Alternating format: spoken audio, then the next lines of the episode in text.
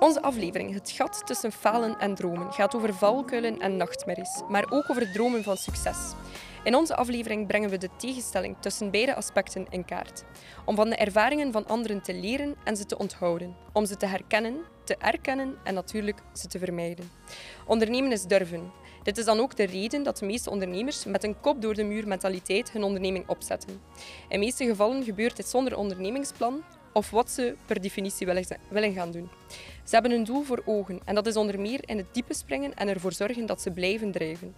Af en toe gaan ze kopje onder, maar zonder falen boek je geen succes. Want de fouten die we in het zakelijke leven begaan, zijn ook onze beste levenslessen.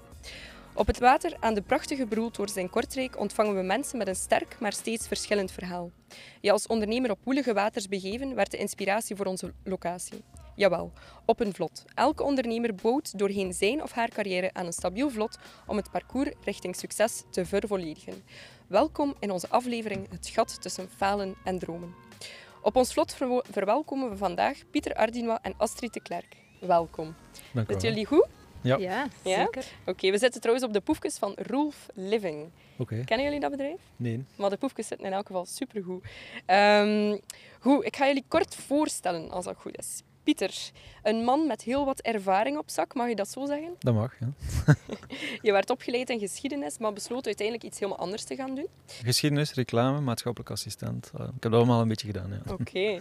Ehm, ja, vanuit de geschiedenisboeken dook je de tech-industrie uh, in en bouwde je eigen bedrijf op en begon daarna ook anderen te begeleiden. Dat klopt, ja. Toen dit verhaal ten einde liep, confronteerde je jezelf op zoek naar het belang van eigen persoonlijkheid en doorliep je alle tests die daarmee gepaard gaan.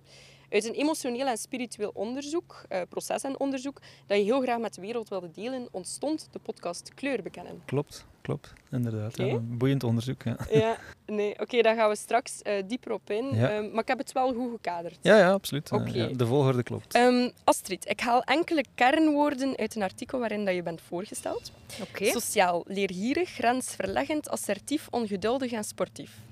Klopt, ja. Ja? Okay. Ja, ja, ja, mooi. Astrid, je bent verantwoordelijk voor het project Jong Ondernemen bij VOCA West-Vlaanderen.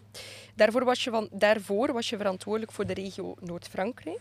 Ja. Je bent de madame van de nieuwe initiatieven, de opzet van unieke netwerkevenementen en de verdediging van vele ingewikkelde dossiers. Uh, maar dat is nog niet alles, want je zette ooit je schouders onder de start-up Mr. Tony. Klopt, ja. Ja, allemaal juist. Oké. Okay. Mooie samenvatting. Fijn. En ik ben uw gastvrouw Anjo Wijghuizen, creative director bij Remus en co-founder van Zoomers. Tijdens elk van onze afleveringen, dus een keer terug naar jullie, tijdens elk van onze afleveringen nodigen we onze gasten uit op onze living in het water, op het water beter. Een vlot dat dobbert op de leien, letterlijk en figuurlijk, want we gaan af en toe wat golven uh, hebben van de boten die aan de andere kant passeren. Dus, uh, maar dat komt allemaal goed. We hebben het gisteren uh, ook getest. Uh, ja, we zouden natuurlijk geen echte West-Vlamingen zijn als we de mensen in onze living niet uitnodigen en een cocktail of iets beter dan water aanbieden.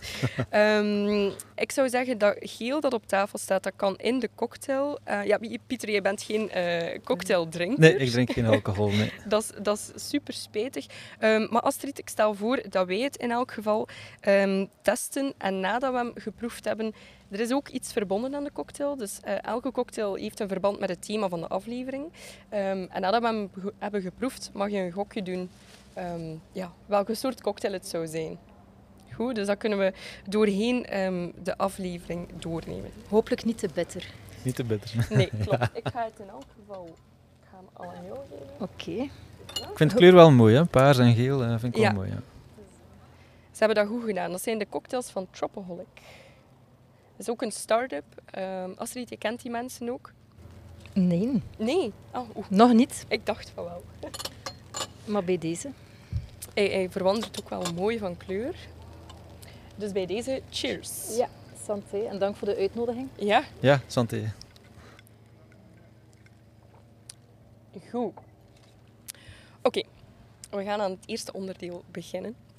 Um, succes komt niet van de ene dag op de andere. Um, succes moet ook groeien. Het is net als leren lopen. Het is, het is echt een kwestie van blijven uh, proberen. Astrid, als coach zet je je in voor Jong Voca, dus voornamelijk voor starters. Um, dat is waarschijnlijk niet altijd een vlekkeloos parcours. Nee, de vlekkeloze parcoursen um, zijn eigenlijk uh, Dat gebeurt niet vaak. Ehm, en dat is soms ja, ook al een misvatting. Mensen lezen heel veel verhalen in de trends, in de tijd, uh, in de standaard. Waar dat er uh, veel kapitaalsrondes en in Amerika en uh, het succes van start-ups en scale-ups. Het is hier ook een bepaald moment ook echt wel een... ja, dat was zo'n beetje een gimmick van ja, je moet een start-up en een scale-up en geld ophalen. En wij hebben ons daar altijd zo een beetje bewust weg van gehouden. En altijd gezegd van ja, dat is niet, dat is niet zo hip en dat is niet zo Mhm. trendy. Eh, de succesverhalen dat je leest zijn echt wel het puntje van de ijsberg. Er is een veel grotere massa die een veel moeilijkere en Mhm. woelerige weg aflegt. En, um, maar iedereen geraakt er op zijn manier. Mhm. Okay. Maar niet altijd in een stijgende, pijlsnelle lijn naar boven. De curve loopt iets anders. In uh, 95% van de gevallen. Ja. Ik ga er niet te veel cijfers op plakken. um, om even terug te keren naar je uh, introductie. Mr. Toady, kan je dat even toelichten? Ja, zeker en vast. Um, dat was uh, in een vorig leven, als er nog geen kinderen waren. Ik was wel al aan de slag bij VOCA West-Vlaanderen. Um, mijn uh, beste vriendin, die op vandaag nog altijd mijn beste vriendin is, dus dat is al een succes, is uh, familiaal opvolster in een kartonagebedrijf. Mm -hmm. En had altijd al de idee van, er is eigenlijk heel veel te doen met kartonage. Zij zitten vooral in POS-materiaal, dus in de marketingafdeling van kartonage. Zij dacht van ja, je kunt daar zoveel mee doen. En haar droom was altijd om een kinderlijn op te zetten met karton. En eigenlijk de, de, de verbeelding terug te brengen naar kinderen. En zij sprak daar altijd van. En ik zei, ja, in plaats van er altijd van te praten, moet dat gewoon doen. Ze zei, ja, maar ik heb like, iemand nodig die mee uh, trekt. En dan dacht ik, ja, why not? Ik had er wel zin in. Um, dat ondernemen heeft er altijd in gezeten bij mij.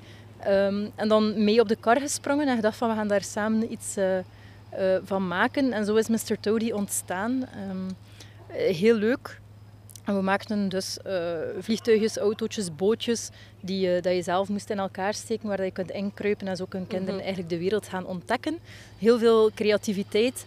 Um, we zijn dat samen uh, opgestart. De productie was dus in-house in het familiebedrijf, anders gingen we dat niet gedaan hebben. Maar de sales, ja, heel andere kanalen, heel andere markten. Heel veel Europese beurzen gedaan. Um, ja, super leuk om te doen. Drie jaar daarmee uit de grond helpen stampen. Uh, altijd gecombineerd met VOCA, wel in uh, vier vijfden, drie vijfden.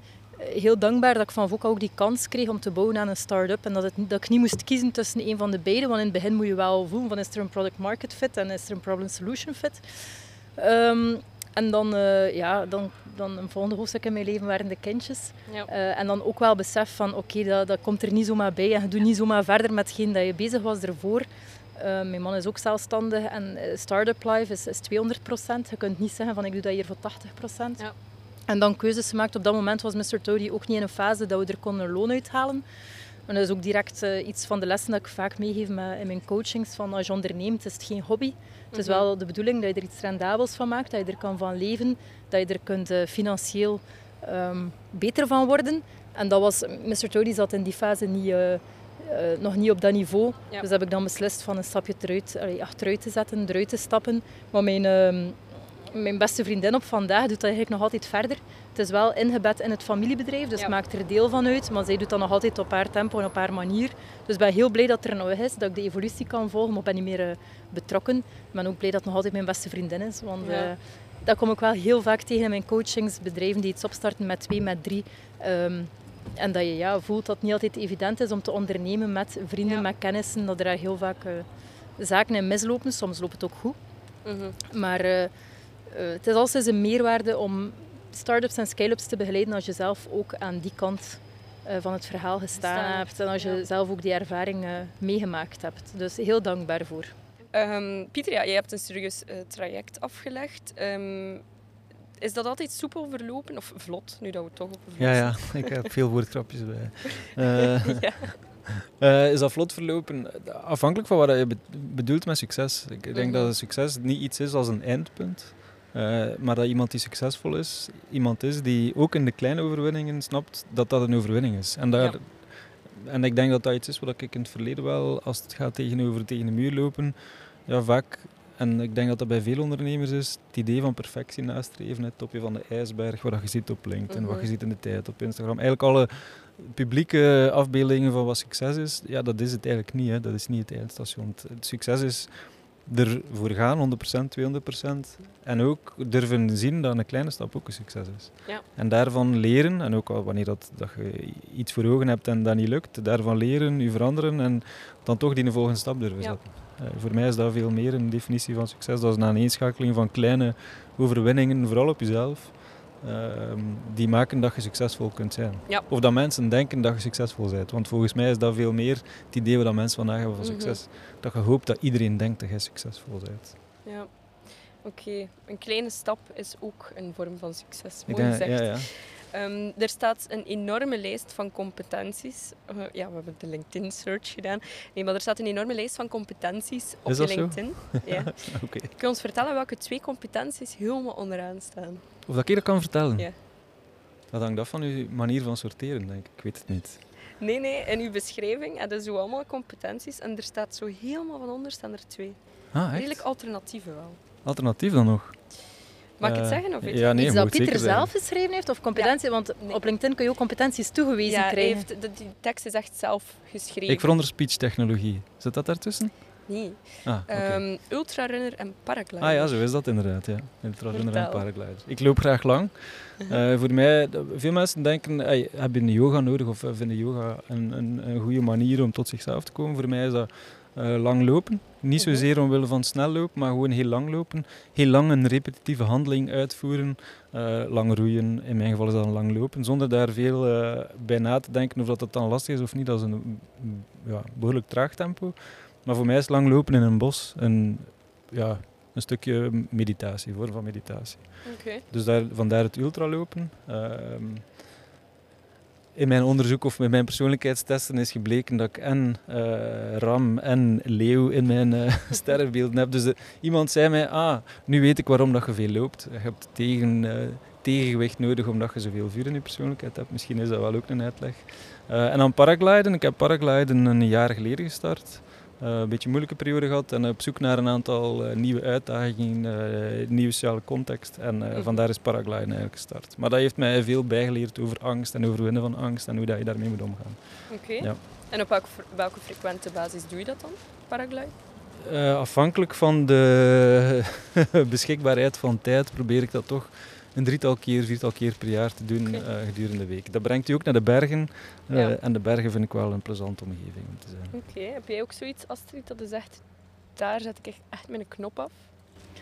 Ja, sport. hè. Ik vind eh, sport is ongelooflijk bevrijdend voor de geest. Hoe ouder je wordt, hoe meer dat je dat beseft, dat dat denk ik een van de weinige momenten is waar dat je even eh, alles loslaat.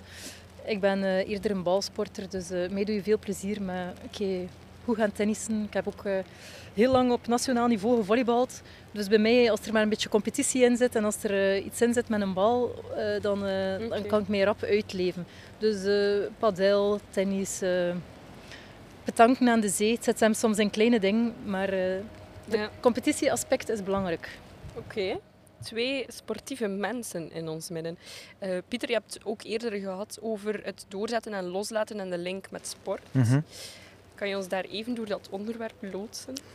Eh, dat onderwerp is er gekomen omdat ik ook een podcastreeks had, eh, samen met een kameraad. En die heette Doorzetters. En eh, wat dat we deden was interviewen, interviews afnemen van mensen die een sportief ambitieus pad met een professioneel ambitieus pad combineren.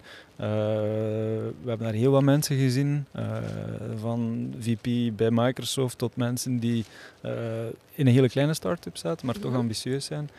En daar komt vaak ja, het doorzettingsvermogen en de karaktereigenschappen van een doorzettende sporter terug in hetgeen wat je ook vindt in een doorzettend ondernemer. Mensen Mhm. die ambitieus zijn. Niet per se ambitieus, want Annelies zegt de competitie, daar zit voor een stuk daarin. Maar ook de competitie met zichzelf. Mhm. Eh, ik denk dat, dat bij die doorzetters was dat wel een, een, een onderwerp, hè, de competitie met jezelf. Jezelf een grens stellen en jezelf daarvoor een stuk verplichten zelfs om daarover te gaan, omdat dat dan uw definitie van succes is op dat moment. Ja, dus dat kwam eh, in doorzetten en in doorzetters heel vaak naar boven. En je ziet dat bij duursporters, maar je ziet dat competitiesporters, eh, of topsporters algemeen, Mhm. maar ook top, topondernemers hebben datzelfde, diezelfde karakteristieken. Ja. Doelstellingen. Ja, ja, exact. Hè. Doelstellingen zetten, zowel in sport als in business. En de lat durven hoog leggen voor jezelf. Ja. Om toch te zeggen van we gaan naar die doelstelling streven. Ik zie dat in start-up en scale-up ook. Groeien oké is leuk. Je hebt organische groei, snelle groei. Alles is oké voor mij. maar stel doelstellingen. Weet waar dat je naartoe gaat. En dat moet niet altijd mega ambitieus zijn. Je moet doen wat dat er past bij je persoonlijkheid en, en welk type ondernemer dat je wil zijn. Dat heb ik ook enorm uh, ervaren doorheen de jaren. Het is voor iedereen anders. Hè. Iedereen, de, de, succes is voor iedere persoon anders en voor iedere ondernemer anders. Absoluut. En voor mij is alle vorm van succes goed, zolang je maar met jezelf je er jezelf maar goed bij voelt. Mhm. Ja. Ehm, het zit niet altijd in grote omzetten en, en, en de grootste willen zijn en de beste. En, en, en nee, de, kan hè, mag zeker, maar moet niet. Oké. Competitie eh, binnen sport en competitie binnen een onderneming komt dus op heel veel vlakken op hetzelfde neer. Ehm, de aflevering of de werktitel van deze aflevering is Het gat tussen falen en dromen. Ehm, maar wat, betekent die, wat betekenen de beide termen, falen, succes of dromen? In principe, je hebt het daarnet, Pieter, eh, ook al een stuk gehad over eh, wat, wat in jouw ogen succes is. Ehm, hoe kan ik die beide termen dan gaan plaatsen, Astrid? Voor mij zit succes ook in die kleine overwinning, zoals we daar juist al zagen. En in het landschap waar ik vooral uh, vertoef, is voor mij, en ik denk voor de ondernemer en zich ook al, die problem-solution fit en die product-market fit, vind ik al een fantastische overwinning. Uh, en die, die problem-solution fit is eenvoudig, want iedereen die opstart met iets is ervan overtuigd dat hij een probleem oplost. Uh, en als je een probleem oplost, dan, uh, dan heb je een bestaansreden, dat is goed. Maar die product market fit vind ik nog veel moeilijker. En dat is van, ja, zijn mensen ook effectief bereid om een prijs te betalen voor, mm -hmm. voor het probleem dat ik, voor de oplossing dat ik bied? En uh, ik vind dat een heel moeilijke eerste gap. En eenmaal dat je die gap uh, overwonnen hebt, als je weet van oké, okay, ik, ik ben hier met iets op de markt en mensen zijn bereid voor daarvoor te betalen, moet je gewoon gaan onderzoeken van oké, okay, wie is mijn markt? de prijs dat ze betalen, is die voldoende om daar een uh, uh, financieel rendabel model, een goed businessmodel, een goed verdienmodel rond te bouwen. Uh, en dan is het echt beginnen schalen en dan is dat weer een volgende fase. Maar ik vind het altijd fantastisch als die product market fit er is. Ben ik altijd super blij, omdat dat de echte, ja, dat is echt noodzakelijk. En ik heb, ik heb mensen begeleid die al drie keer ons traject gevolgd hebben en die mm -hmm. al drie keer jammer genoeg die product market fit niet helemaal voelen. Die zeggen van ja, blijkbaar is de markt er nog niet of is, of is, de, is de pricing niet juist, maar er, er schort al sinds iets waarom dat we die doorstart niet kunnen ja. maken. En ik, altijd als die doorstart er geweest is, heb ik iets van oh, dat is al zo'n grote overwinning, dat is al een eerste grote succes en dan dat schalen, daar zijn er heel veel theorieën, heel veel opleiding voor dat schalen, zijn er verschillende modellen. Ja. Daar kunnen we gemakkelijker in, in sturen, maar die product market fit, dat is wel, dat vind ik niet heel moeilijk. Maar ik weet niet of dat Pieter zich ja, daarin herkent. Een stuk wel. Ik kom een beetje uit een andere achtergrond. Ik kom vanuit de dienstensector, de services business, waarbij dat gaat over de mensen en een stukje kennis verkopen.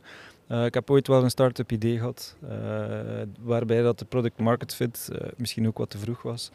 Um, en ja, ik vind het boeiend dat mensen daarover moeten nadenken. In mijn business, als het dan gaat over de dienstenbusiness, IT-services of allerhande services, dan is het vooral een persoonlijk verhaal.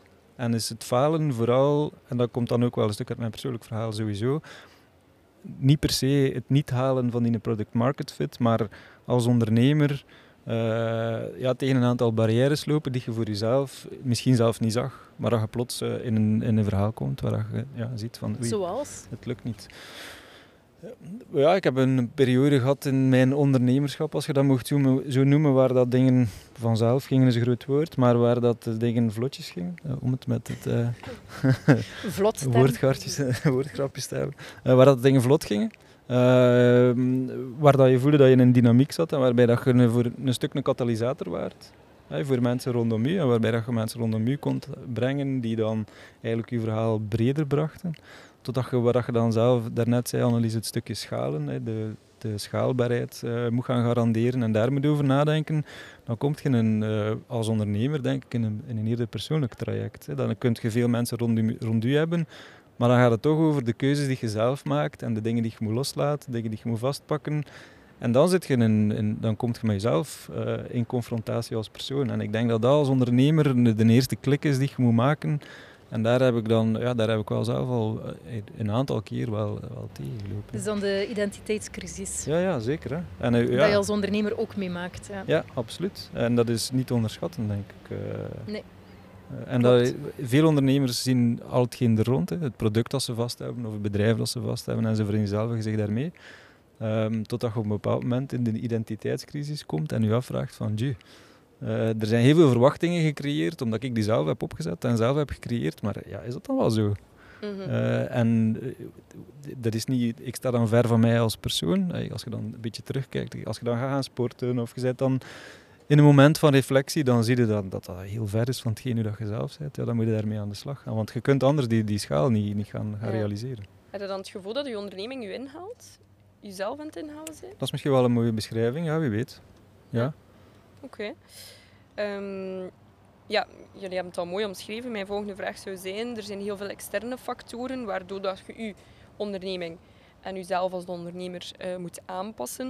Ik ging net vragen welke factoren zie je dan nog? Bijvoorbeeld Astrid eh, bij jouw start-ups, eh, de start-ups die jij begeleidt. en welke factoren waren dat dan bijvoorbeeld bij jou? Misschien ietsje te technisch gaan, maar uiteindelijk zit er wel veel waarheid in. Je hebt enerzijds de, de, de megatrends, maar dat zijn dan ja, trends waar dat iedereen extern heel veel invloed van heeft, wereldtrends. Eh, denk maar aan duurzaamheid, aan ecologie, Mhm. aan, aan, aan innovatie, aan acceleratie. Allemaal wel misschien een beetje buzzwoorden, maar dat heeft een gigantische impact Mhm. op, op je bedrijfsvoering.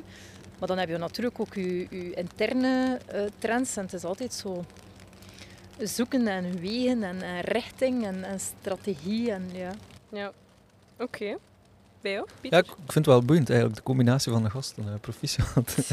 het verhaal van Annelies is echt zo van... het- Astrid, van, maar van An- Annelies hoor ik ook graag. Annelies, eh. Vanaf nu noem ik je Annelies Astrid. Eh, ik ben naar Niels de Stadsbader geweest en die zong over Annelies Saldana liggen.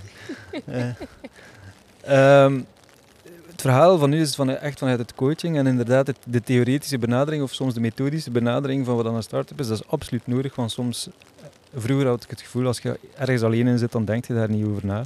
Als je geen coaching hebt, dan ga je gewoon en dan ga- zet je visie en zet je vlag en dan ga je erover na. Maar ik denk hoe vroeger dat je die coaching hebt en hoe vroeger dat je de reflex hebt om toch naar de megatrends te kijken, dat je dat wel helpt om een stuk vooruit te stappen. Ik denk dat dat absoluut Je meerwaarde mocht daar is. gewoon ook niet te ver in gaan. Nee, nee, nee, nee, zeker niet. Ik zeg altijd, het moet op 1 A4 kunnen. Je moet het gewoon... Ja, Ja, maar het concept van een Ja, megatrend snappen en dat kunnen Ja. toepassen voor uw verhaal, dat is enorm waardevol.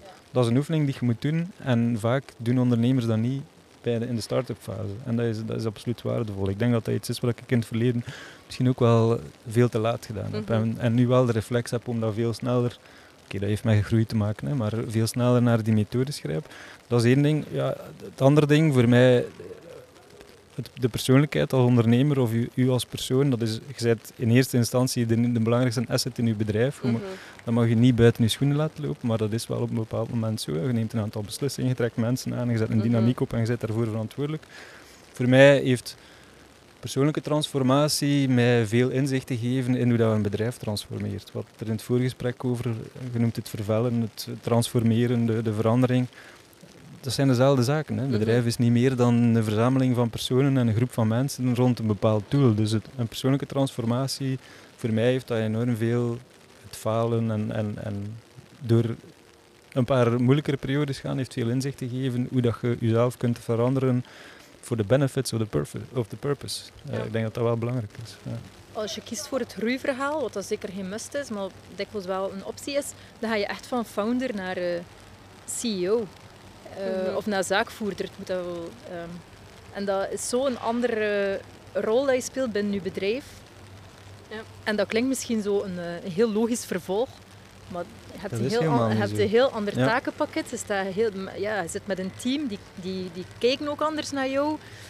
Ja, je hebt veel meer structuur nodig. Je kunt niet meer... eh, ja, hopelijk kun je wel nog creatief blijven, maar de dynamiek is, is volledig Ja. anders. Ehm je blendt helemaal anders en dat heeft zo'n groot impact. En, dat, je- ja, en op het persoonlijk verhaal, dat mocht dat niet onderschatten, hè, heeft dat enorm veel impact. Dat heeft veel te maken met loslaten. Hoe moet je dingen loslaten? Alles wat je dacht dat juist was, werkt plots niet meer of gaat niet meer werken. En je moet de vlag zetten, want je bent gewoon om de vlag te zetten. En je bent gewoon om te anticiperen.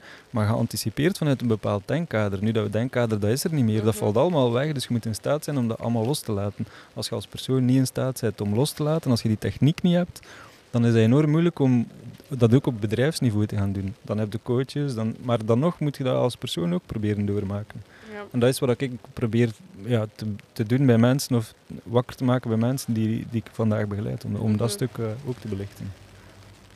Ja, klopt. En dat is dan ook een mooi succes om eh, soms te beseffen van oké, ben ik wel nog de juiste persoon voor die rol in mijn Mhm. bedrijf? En nu al die vraag durven stellen of daar ook maar over nadenken, vind ik alweer een Mhm. succes. Ja. Van, het is altijd een combinatie van en onderneming en ondernemer. En ze zijn enorm nauw Mhm. verbonden met elkaar en ze hebben zoveel invloed op elkaar. Maar ze zijn eh, beide Ehm, giga belangrijk. Enorm, ja. ja. Heb je zo van die mensen inderdaad al begeleid die zichzelf, allee, zonder namen te noemen, ehm, zichzelf ook echt in vraag zijn gaan stellen, waar je die mensen hebt begeleid van ben ik nog wel de juiste persoon? Ja, tuurlijk. En dat is ook wel eh, de bedoeling met de coachings, om helikopterzicht eh Ja. erboven en durven vragen stellen. En ik denk dat dat ook de rol is van een Ja. coach, is vragen stellen. Eh, en diepere vragen en doorvragen. En eh, probeer nu coachie tot bepaalde inzichten te laten komen die ze zelf aanhalen. Het is, eh, soms zien wij het, maar het is toch, ze moeten het toch zelf ontdekken en zij moeten het zelf zeggen. Je kunt een Ehm, zaadje planten, maar zij Ja, moeten... zij moeten het zelf aanvoelen en, en dat, dat doe je door de juiste vragen te stellen. En Mhm. eh, dan komen er aha-momentjes. En ehm, dan heb je impact en dat geeft juist eh, de kriebel om dat te blijven doen. Want ja, dat, ja, het, is, het is daarvoor dat... Ja, dat maakt mij gelukkig. Om Alright. die ondernemers zo te zien reflecteren. En ze Mhm. straalt als ze het zegt. Ja. Dus, Ja, eh, ik vind dat echt fantastisch om, om die... Ja, ik vind dat, ja, denk het mooiste cadeau. Of de, ja. Ja, ik denk dat hetgeen dat je zegt, impact. Hè.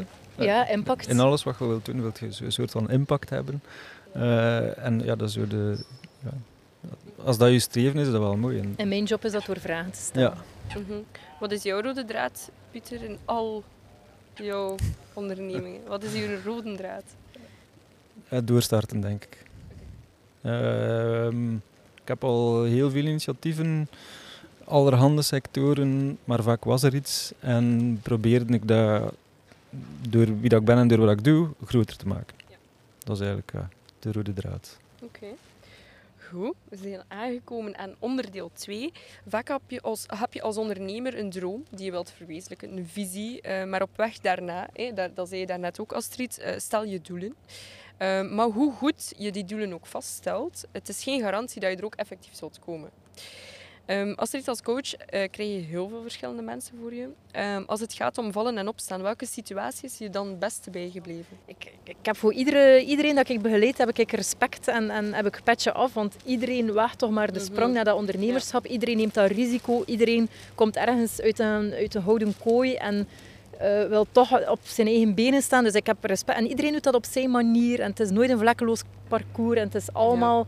ehm, maar zoals dat Pieter zei, je moet wel weten waar dat je naartoe vaart. Je moet koers bepalen, want anders, anders blijf je maar dobberen. Ehm, en dobberen is fijn hè, en dat is leuk en je voelt wel dat er dingen bewegen. Maar als je geen doelen stelt, dan, dan dobber je. Ja, dan vaar je nergens. eh, en, en, en daar helpen wij echt bij. En eh, ja, respect voor iedereen. Om er nu zo eentje uit te leggen. Dan, ja, ik zei het daar juist. Iemand die voor de derde keer ons traject volgt, omdat die product market fit eh, moeilijk blijft. Ja, ja zalig. Hè? Je leert uit ieder verhaal. En, en de Mhm. derde keer maak je gewoon minder fouten en, en bekijk je het anders. En ga je toch je marktonderzoek iets beter aanpakken. En ga je toch je markt beter bevragen. En, Hmm. ja, maar ik kan zo niet zo... Ja. Ja. Oké. Is er bij jou een verhaal, dat mag ook van rondom jou zijn, ehm, dat je zegt, dat is mij, of voor mezelf, hè. Maar dat was echt mijn vallen en opstaan, dat is mij het meeste bijgebleven, of ik heb daar de meeste lessen uitgetrokken, of bij iemand in je omgeving. Goh, er zijn veel, veel verhalen. Nee, er- elke dag zijn er wel dingen waarvan dat je denkt, "Tjoe, ik had dat beter gedaan. Of dat. En hoe verder dat je gaat, of hoe groter dat je onderneming is waarin dat je werkt, hoe, hoe complexer dat die Mhm. zaken zijn. Ik probeer veel te leren, zoals ik zei, hetgeen wat ik zelf meemaak en dat mee te nemen en toe te passen. Ehm, ik heb zelf, denk ik, vier jaar geleden uit een job gestapt waar ik ondernemer was binnen een grote groep. Eh, en een aantal dingen fout deed, ook een persoonlijk verhaal. En daar veel uit geleerd. Voor mij was helemaal zelf veranderen en naar jezelf kijken, de zelfreflectie. En dat vergt wat moed en wel, dat doet wat pijn en dat is wel lastig. Maar door die periode gaan, dat lijkt falen, maar achteraf Mhm. gezien was dat wel een katalysator om veel breder een inzicht te hebben en daarmee aan de slag te gaan. En dat goed kunnen doorgeven aan andere mensen. Eh, ja, ik denk dat dat falen, dat hoeft niet falen te zijn. Nee. Nee. Het is Wat, eh, groeien. Ja, het is echt groeien. Ja. Maar, eh, maar op het moment dat je daarin zit, voor veel mensen is dat lastig. Hè? Want ze willen dat niet horen, het is groeien. Want die zien niet daarna. Hè? Er zijn Mhm. altijd momenten waarbij dat je van dag tot dag, van minuut tot minuut, van, weet ik niet, van klein moment naar klein moment leeft, omdat je niet verder kunt kijken. Maar als je hen daar kunt begeleiden en toch probeert zo wat licht aan het einde van een tunnel te zien, dan is het echt groeien. Het is, eh, ja. Mhm. En ik denk dat het ook wel de kracht is van een doorzetter of een ondernemer, om dat mee te nemen en dat te durven be- benoemen en daarmee aan de slag te gaan. Mhm. Ja, ik ik kreeg onlangs nog een mailtje iemand die zei van ja, we gaan onze activiteiten terugschroeven naar 50% en we gaan terug een eh, aanvullende job zoeken, omdat gezien de, de, de economische situatie ook, hè, even gas terug. En dan, dan zeg ik ook altijd van ja, chapeau, het is moedig om dat te communiceren, het is een gedurfde keuze en, en het klopt ook. Ik ben blij dat je het meedeelt. Eh, je hebt benzine nodig om, om, om te kunnen blijven vooruitgaan en, en ja, je moet weer fuelen en je moet weer... eh, ja, je hebt die fuel nodig en, en even bijtanken en even de zaak weer in perspectief zien en dan misschien weer volle bak kunnen gaan. Het is niet erg om een keer even af te remmen en een keer de dingen te laten ehm sudderen en laten... Het gaat niet altijd allemaal direct en, en, en voor de volle 100 procent. En, Maar ja. Nee, natuurlijk niet. En het afremmen is... Voor veel mensen lijkt dat afremmen. Ja. Voor een ander is dat gewoon kosten sparen. Voor een ander is dat herfocussen. Het is maar hoe dat je het benoemt. Hè. Afremmen is dat voor de buitenwereld is dat... Oei, die zijn aan het inkrimpen. Stel je voor, die moeten een bijjob zoeken. ja. Maar voor een ander is dat, ja, zoals dat gezegd, ik zoek even refuelen om de volgende stap te Ja, zetten. dus weer zuurstof binnenhalen, weer even tot adem komen, weer veel gesprekken doen, met mensen in gesprek gaan. Gewoon weer zuurstof tanken. En dan, ik ben ervan overtuigd dat dat dan weer Ja. achteraf eh, gaat dat wel weer positief uitdraaien. Ik vind het gewoon dan moedig om te zeggen van ja, kijk, even een stapje terug. En dan voor sommigen is dat toch falen. Voor mij absoluut niet. Nee. Dat is blijven Eh, vertrouwen hebben in je product en in jezelf. Ja, voilà. En, En het op een, inderdaad op die manier terugschroeven, terugschroeven jezelf adem, ruimte geven. ja. Ehm, Pieter, heb jij in het verleden ehm, ook laten begeleiden, ondersteunen, coachen? Heel veel. Op persoonlijk vlak en ook op professioneel vlak. En nog altijd, eh, als ik voel dat ik het nodig heb, dan zoek ik hulp op een of andere manier. Eh, dat kan zijn door een, groep met mensen rond mij te hebben die een klankbord zijn. Dat kan naar een psycholoog zijn, dat kan naar een businesscoach zijn. Dat kan van alles zijn. Maar als je voelt, er wringt iets, er is iets fout, ja, dan moet je daarmee aan de slag. En als je dat als voorbeeld stelt en dat naar ondernemers doorgeeft, dan geeft dat comfort dat ze dat ook kunnen doen. Ja. En ja, dat is nuttig. Je Er open over praten geeft... idee dat je alles, de, zo de, de golden hero, dat bestaat niet. Hè? Dat, je kunt niet alles alleen. ja. Kan je ons iets meer vertellen over de onderzoeken die je bent gaan leiden? eh, De test die dan uiteindelijk in het, in het verhaal kleur bekennen. ja, boeiend. ja, kun je ons daar eh, wat meer over vertellen? Ja, dat kwam vanuit het idee dat, eh, dat mensen vaak een stempel krijgen, of gelijkwaar. En dat die een stempel soms een limiet is of een beperking is in wie dat iemand eigenlijk is. Als iemand zegt, je zei zo, dan loopt het gevaar dat die persoon gewoon zich gaat gedragen naar de stempel of label die men heeft. Ook bij ondernemers is dat zo. Ah, je bent een ondernemer, dus je moet meer dan 9 to 5 werken. Eh, je mocht alleen maar over je werk babbelen, je mocht niet op reis gaan. Eh, dat je is allemaal... veel kosten maken. En, je moet, ja, en veel kosten maken. Hij En- mag veel gaan ja, eten. Jij betaalt al, inderdaad, ja. Jij betaalt al de restaurantbezoeken. Want jij bent een ondernemer en anders gaat je een boekhouder niet, niet akkoord. Maar al dat soort zaken. Mhm. Eh, mensen krijgen heel veel labels opgeplakt en die labels bepalen de mensen. Ik wou daar eigenlijk een beetje een genuanceerd beeld over brengen. Dat, en dat heeft mij ja, bepaalde inzichten gegeven in de zin Mhm. dat dat maar handvaten zijn om naar jezelf te kijken. Dat is nieuw dat de andere wereld naar u kijkt, maar als je dan ziet naar hoe ben ik zelf, waar krijg ik energie van, waar krijg ik geen energie van, eh, welke zaken ontbreek ik in mijn persoonlijkheid om, die ik bij ergens anders moet gaan zoeken. Zeker wanneer dat je een ondernemer een bedrijf bouwt of een team bouwt, een leadership team bouwt. Welke eigenschappen hebben die mensen eh, complementair? Eh, Mhm. in een brede zin. Dat gaat van astrologie tot enneagram, tot insights, tot disc, tot alle soorten profielen, de kleuren, de nummertjes, noem ze maar op. Eh, zoveel mogelijk, en het komt allemaal op hetzelfde neer, gecategoriseerd karaktereigenschappen op een bepaalde manier en je Mhm. praat erover. En erover praten en naar jezelf kijken op die manier helpt u. En dat is eigenlijk de, de samenvatting van kleur bekennen. Oké. We gaan zeker ehm, de link naar kleuren bekennen. Gaan we zeker Ja, in de dat is show goed, notes, dank u wel. eh, Er komt een nieuwe aflevering online eh, volgende week Ah, oké. ja, over astrologie. Kun je ons al een tipje van de sluier? Ja, het gaat over astrologie, een eh, controversieel thema. Ik heb een aantal wetenschappers in de podcast die op voorhand zeiden van, zouden we dat wel doen, want er is ook zijn ook andere thema's. Uiteindelijk is dat goed gekomen. En de volgende aflevering is met Nele Kosters. Zij combineert executive coaching met astrologie. Niet in dezelfde praktijk, maar zij is astrologe en zij doet ook executive coaching voor een aantal gerenommeerde organisaties in, eh, in Vlaanderen. Ja, boeiende, boeiende aflevering, zeer nuchtere kijk op het principe van astrologie. Benieuwd. Ja. Ja? Ehm, ik heb, eh, we zijn aan onderdeel 3. En ik heb een vraag voor jullie beiden. Ehm, welk verhaal is voor jou, voor jullie, eh, een mooi voorbeeld van een succesverhaal? En waarom? Als jullie even bedenktijd willen, dan snap ik dat. Dat mag over eender wie gaan, hè? Goh, er zijn veel succesverhalen. Ik denk dat iedereen een eh, bepaald succes heeft natuurlijk. Hè. Dus je kunt grote voorbeelden erbij halen. Maar echt een, een één succesverhaal. Ik vind het ook moeilijk om één te delen. En ik denk dat het antwoord Ja. hier al deels gegeven is. Voor mij is een succesverhaal als de ondernemer en de onderneming, als het matcht en als je in het reinen bent en als je vrede vindt met jezelf en als het, eh, als het goed voelt. Mhm. En als je zo die, dat evenwicht gevonden hebt van oké, ik heb een onderneming en, en, en ik ben daar zelf ook de rol die ik daar vervul. Maar het is zodanig dynamisch, het verandert zodanig rap. Ja, ik denk ook inderdaad zo Die puzzel. Ja, en eh, om terug in het eh, dobberen terecht te komen. Toelaten dat je even kunt dobberen, maar toch ook altijd een bepaalde vooruitgang eh, boeken en constant bijbouwen aan, aan waar je mee bezig bent. En dat, daar gewoon constructief mee aan de slag gaan. Dat is ook succes. En iedereen doet dat op zijn niveau. Hè. Dat kan een ondernemer zijn die in zijn garage iets aan het bouwen is. Zo zijn er ook al mensen geweest. Ik heb ook al eh, in bedrijven gewerkt waarbij dat je met heel veel eh, volk werkt en daar toch nog altijd vooruitgang geboekt. Dat gaat dan veel meer over teamdynamiek eh, en over nieuwe rollen installeren en structuren bedenken. Ehm, maar dat is even goed succes. En dat lijkt grote successen.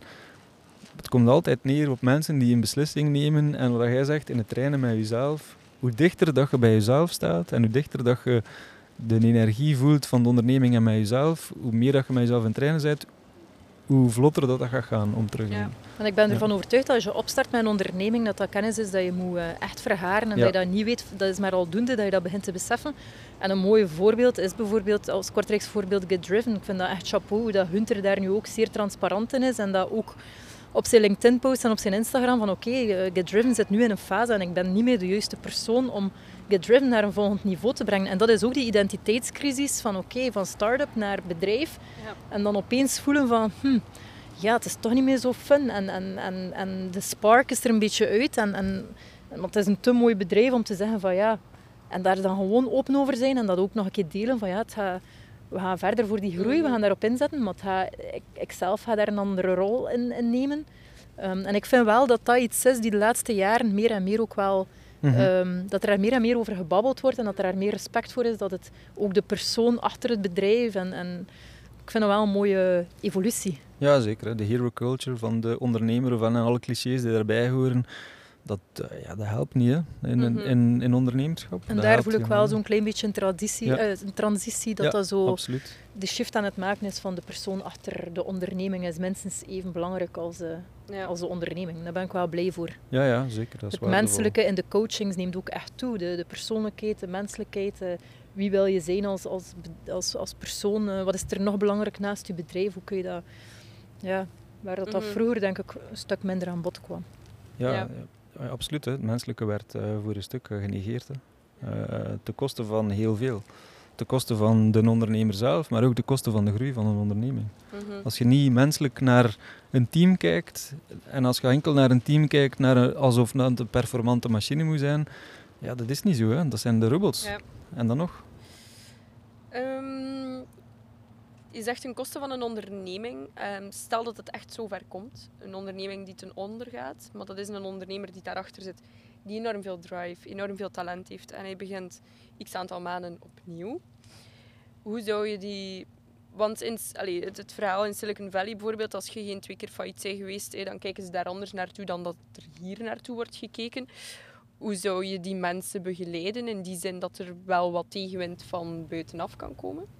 Wat is de concrete vraag aan jou? Sorry. Dus, Petra, wij ze hoe, hoe mee? Wat zou je meegeven? Was dat de vraag? ja, aan, wat een, zouden meegeven? aan een ondernemer Ehm, die opnieuw in- begint na een faillissement? Bijvoorbeeld, al, al is het in het communiceren naar de buitenwereld. Ehm, eh, want je sprak daarnet over openlijk, openlijk communiceren wat Gunther gedaan heeft. Wat doe je in zo'n geval? Ik ben en altijd al fan geweest van transparantie en daar gewoon... Ja, iedereen heeft zijn historiek en iedereen heeft eh, zijn leerschool. En, en ja, leergeld betaal je sowieso. Ja. Dus eh, dat, dat is ook maar meer dan normaal. Het is deel van jouw traject. Dus ik heb zoiets van, ja, neem die ervaring mee en eh ga er gewoon slim mee om. En, en, en intelligent mee om. Uh, probeer te leren uit de fouten, probeer de zaak mee te nemen en, en dan ga je de volgende keer wel, Mhm. ja, je wel beter, een betere versie van jezelf zijn. Volg 100%. Ik heb zelf een onderneming gehad die eh failliet is gegaan heel in het begin van mijn carrière, waar ik iemand moest ontslaan eh, omdat ik geen geld meer had. Eh, ehm, en een- heel lang geleefd in het idee dat ik dat niet mocht vertellen. Ehm, daarnaast ook in een persoonlijke situatie eh, gefaald in een aantal dingen, heel lang geleefd in het idee dat ik dat niet mocht vertellen omdat dat een schande was. Mhm. Niets is een schande. Alles is een menselijk verhaal. Zolang dat je het maar op een persoonlijke manier transparant brengt, je hoeft je niet te verantwoorden. Hè. Eh, je hebt een aantal keuzes gemaakt, je hebt de moed gehad om een aantal keuzes te maken. Nu heb je de moed om andere keuzes te maken. Dat is oké. Ja. Als je gaat er ook vanuit dat je die keuzes maakt, niet vanuit een... een eh, allee, je gaat ervan uit dat je dat doet voor het goede en voor de vooruitgang. Je maakt geen... Allee, je gaat ervan uit dat je niet expres foute keuzes gaat Ja. maken. Dus ja, het, het doet voor goed. En zolang dat je, zoals dat gezegd, dat je er een beter persoon van wordt. Natuurlijk zijn er soms dingen waar dat je moet uit leren. En soms dingen Mhm. waarvan dat je zegt, oké, ik had betere keuze zo, zus of zo gemaakt. Ja, durf daar naar kijken, durf, daar naar, durf dat benoemen, ook in een team. Hè. Durf benoemen wat er fout gaat, gaat daarmee aan de slag. En zij transparant in hetgeen hoe dat je bent en hoe dat je, wat je drijfveren zijn. De, de rollen die je ook nog niet hebt meegemaakt, kun je ook op voorhand niet Nee. weten of dat jou ligt of niet. Eh, Ja, ik heb eigenlijk wel gemak- gemakkelijk babbelen vanaf de zijlijn. Ik zelf heb nog nooit iemand moeten ontslaan. Ik heb zelf nog nooit een faillissement meegemaakt. Ik kan wel vertellen van buitenaf. Maar ik zou ook niet weten welke rol binnen een onderneming mij het best ligt. Zou dat de founder zijn, of de CEO, of de COO? Of zou dat... Ik weet het niet. Het is ook maar door die rollen door te maken en dat eens te doen, dat je beseft van ja, dat, dat doe ik graag, dat doe ik niet graag. Ja. Dus ja, het is logisch dat, dat, je, dat af en toe een keer niet meer klopt. Hè. Mhm, absoluut. Ehm, Pieter, eh, om helemaal ehm, terug te keren naar het begin. Ehm, jij bent je bedrijf begonnen. Ja. Hoe- voor de mensen die nu aan het luisteren zijn en die denken, ehm, ik herken mij een beetje in het verhaal van Pieter. Ik heb ook een idee, maar ik, studeer eigenlijk dit. Eh, Ja. Ik wil in iets anders gaan duiken. Mhm. Hoe heeft jouw omgeving daarop gereageerd? Of heb je, hoe heb je ze begeleid in dat verhaal van hey, ik doe iets volledig nieuws, ik ga daarin? Mijn omgeving? Ja. Ah, Ik ben altijd wel iemand die mijn goesting doet. Ja. Dus in die zin, en dat is misschien ook eigen aan een ondernemer die misschien zo wat koppig in het leven staat. Ik denk dat dat ja, een beetje inherent is aan het verhaal. Mhm. Eh, als ik een idee heb, dan durf ik daar wel voor gaan. En mijn omgeving ja, was daar soms verdraagzaam tegenover, soms wat minder verdraagzaam, maar dan ging ik er nog harder tegenaan. Hè. Ja. Soms is dat een drijfveer om toch te doen wat je wilt. Als je een idee hebt, de- ergens moet- zit dat erin en dan Mhm. moet dat eruit en dan kies de richting. Oké. Ehm, ik heb eh, nog één laatste vraag voor jullie. Ehm, wat staat er nog op jullie checklist dat jullie zeker willen gedaan hebben? Dat mag van sporten gaan tot binnen jullie onderneming. Jullie zijn vrij om te kiezen wat, dat, eh, wat je wilt vertellen. Op het juiste moment toch weer aan de ondernemerszijde staan. Oké. Ah, ik heb een, oh, moet één ding zijn? Mocht er twee zijn als je wilt. Wel, omdat je sport zei, ik heb eh, sportief het plan. Ik wil echt graag eh, de Mont Blanc opwandelen en afvliegen. Dat is, Oeh. dat is het doel. Ja. Dat afvliegen zou ik ook wel High meedoen. and fly, dat ja. opklimmen. Ja, je mocht altijd mee lessen volgen, eh, geen probleem. I can fly. Eh, maar ik heb eh, de absolute droom, ik was ooit voorzitter van een kinderboerderij, de absolute droom om terug een boerderij te hebben of een omgeving te creëren waar mensen eh, tot zichzelf kunnen komen op een bepaalde manier in een omgeving dat voor hen veilig voelt. Eh, dat is eigenlijk mijn ambitie. Ja. Oké, dat zijn mooie ambities. Eh, we zullen dat blijven volgen of dat, dat er effectief komt, maar ik heb er alle vertrouwen in. Ehm, in elk geval vond ik het heel leuk om jullie bij ons te hebben. Eh, ik weet niet wat jullie ervan vonden. Natuurlijk voor de luisteraars, het heeft een beetje geregend, dus dat, dat heb je wel gehoord waarschijnlijk. Eh, maar wat vond je van de aflevering? Wat vond je van het gesprek? Ehm, Eh, zeer, zeer aangenaam en zeer boeiend. ja, ik vond het ook wel interessant. Ja. yes. Ehm, ik heb hier inderdaad nog een kaartje in mijn handen eh, geschoven gekregen. Had je al een idee, Astrid, welke cocktail het zou zijn? Iets met lavendel. Eh, ja. Ik ga, ik ga jou het kaartje gewoon geven. Er staat een tekstje op. Eh, je mag dat voorlezen, want het heeft een verband met de, het thema eigenlijk. Je dromen najagen doe je door te vallen en terug op te staan. Hieruit trek je lessen die je meeneemt voor de toekomst en moet je jezelf of je bedrijf als ondernemer vaak heruitvinden. Dat willen we weer spiegelen met de Color Changing Cocktail, die met de tijd mee van kleur kan veranderen. Wauw, Dus toen dat we het erin hadden gegoten, ja, veranderde het dus van kleur. zeer Ja, je kunt nog zien, de mijne is paars. Ja. En die van jullie is eh, Lila. licht eh, roze. Ja. ja. Ja, zeer mooi. Oké. Goed, uh, bedankt dat jullie hier aanwezig waren. Dankjewel dat jullie op ons vlot kwamen uh, dobberen. Elise heeft weer uh, goed haar best gedaan om alles in goede banen te leiden. we zijn nergens tegen de muur gebotst, dus dat is al top. Um, dus dankjewel om hier te zijn, Astrid. Dankjewel voor de uitnodiging. Ja, heel fijn. En aan onze luisteraars, bedankt voor het luisteren. De contactgegevens van Pieter en Astrid vind je op de website van Startat Vergeet ook niet om onze podcast te liken en een review achter te laten. Deel hem ook met je ondernemende vrienden, mensen die aan een idee sleutelen of een concreet concept op de markt willen brengen. In onze volgende aflevering hebben we het over entrepreneurship met Jeroen Lemaire en Isolde Kazier.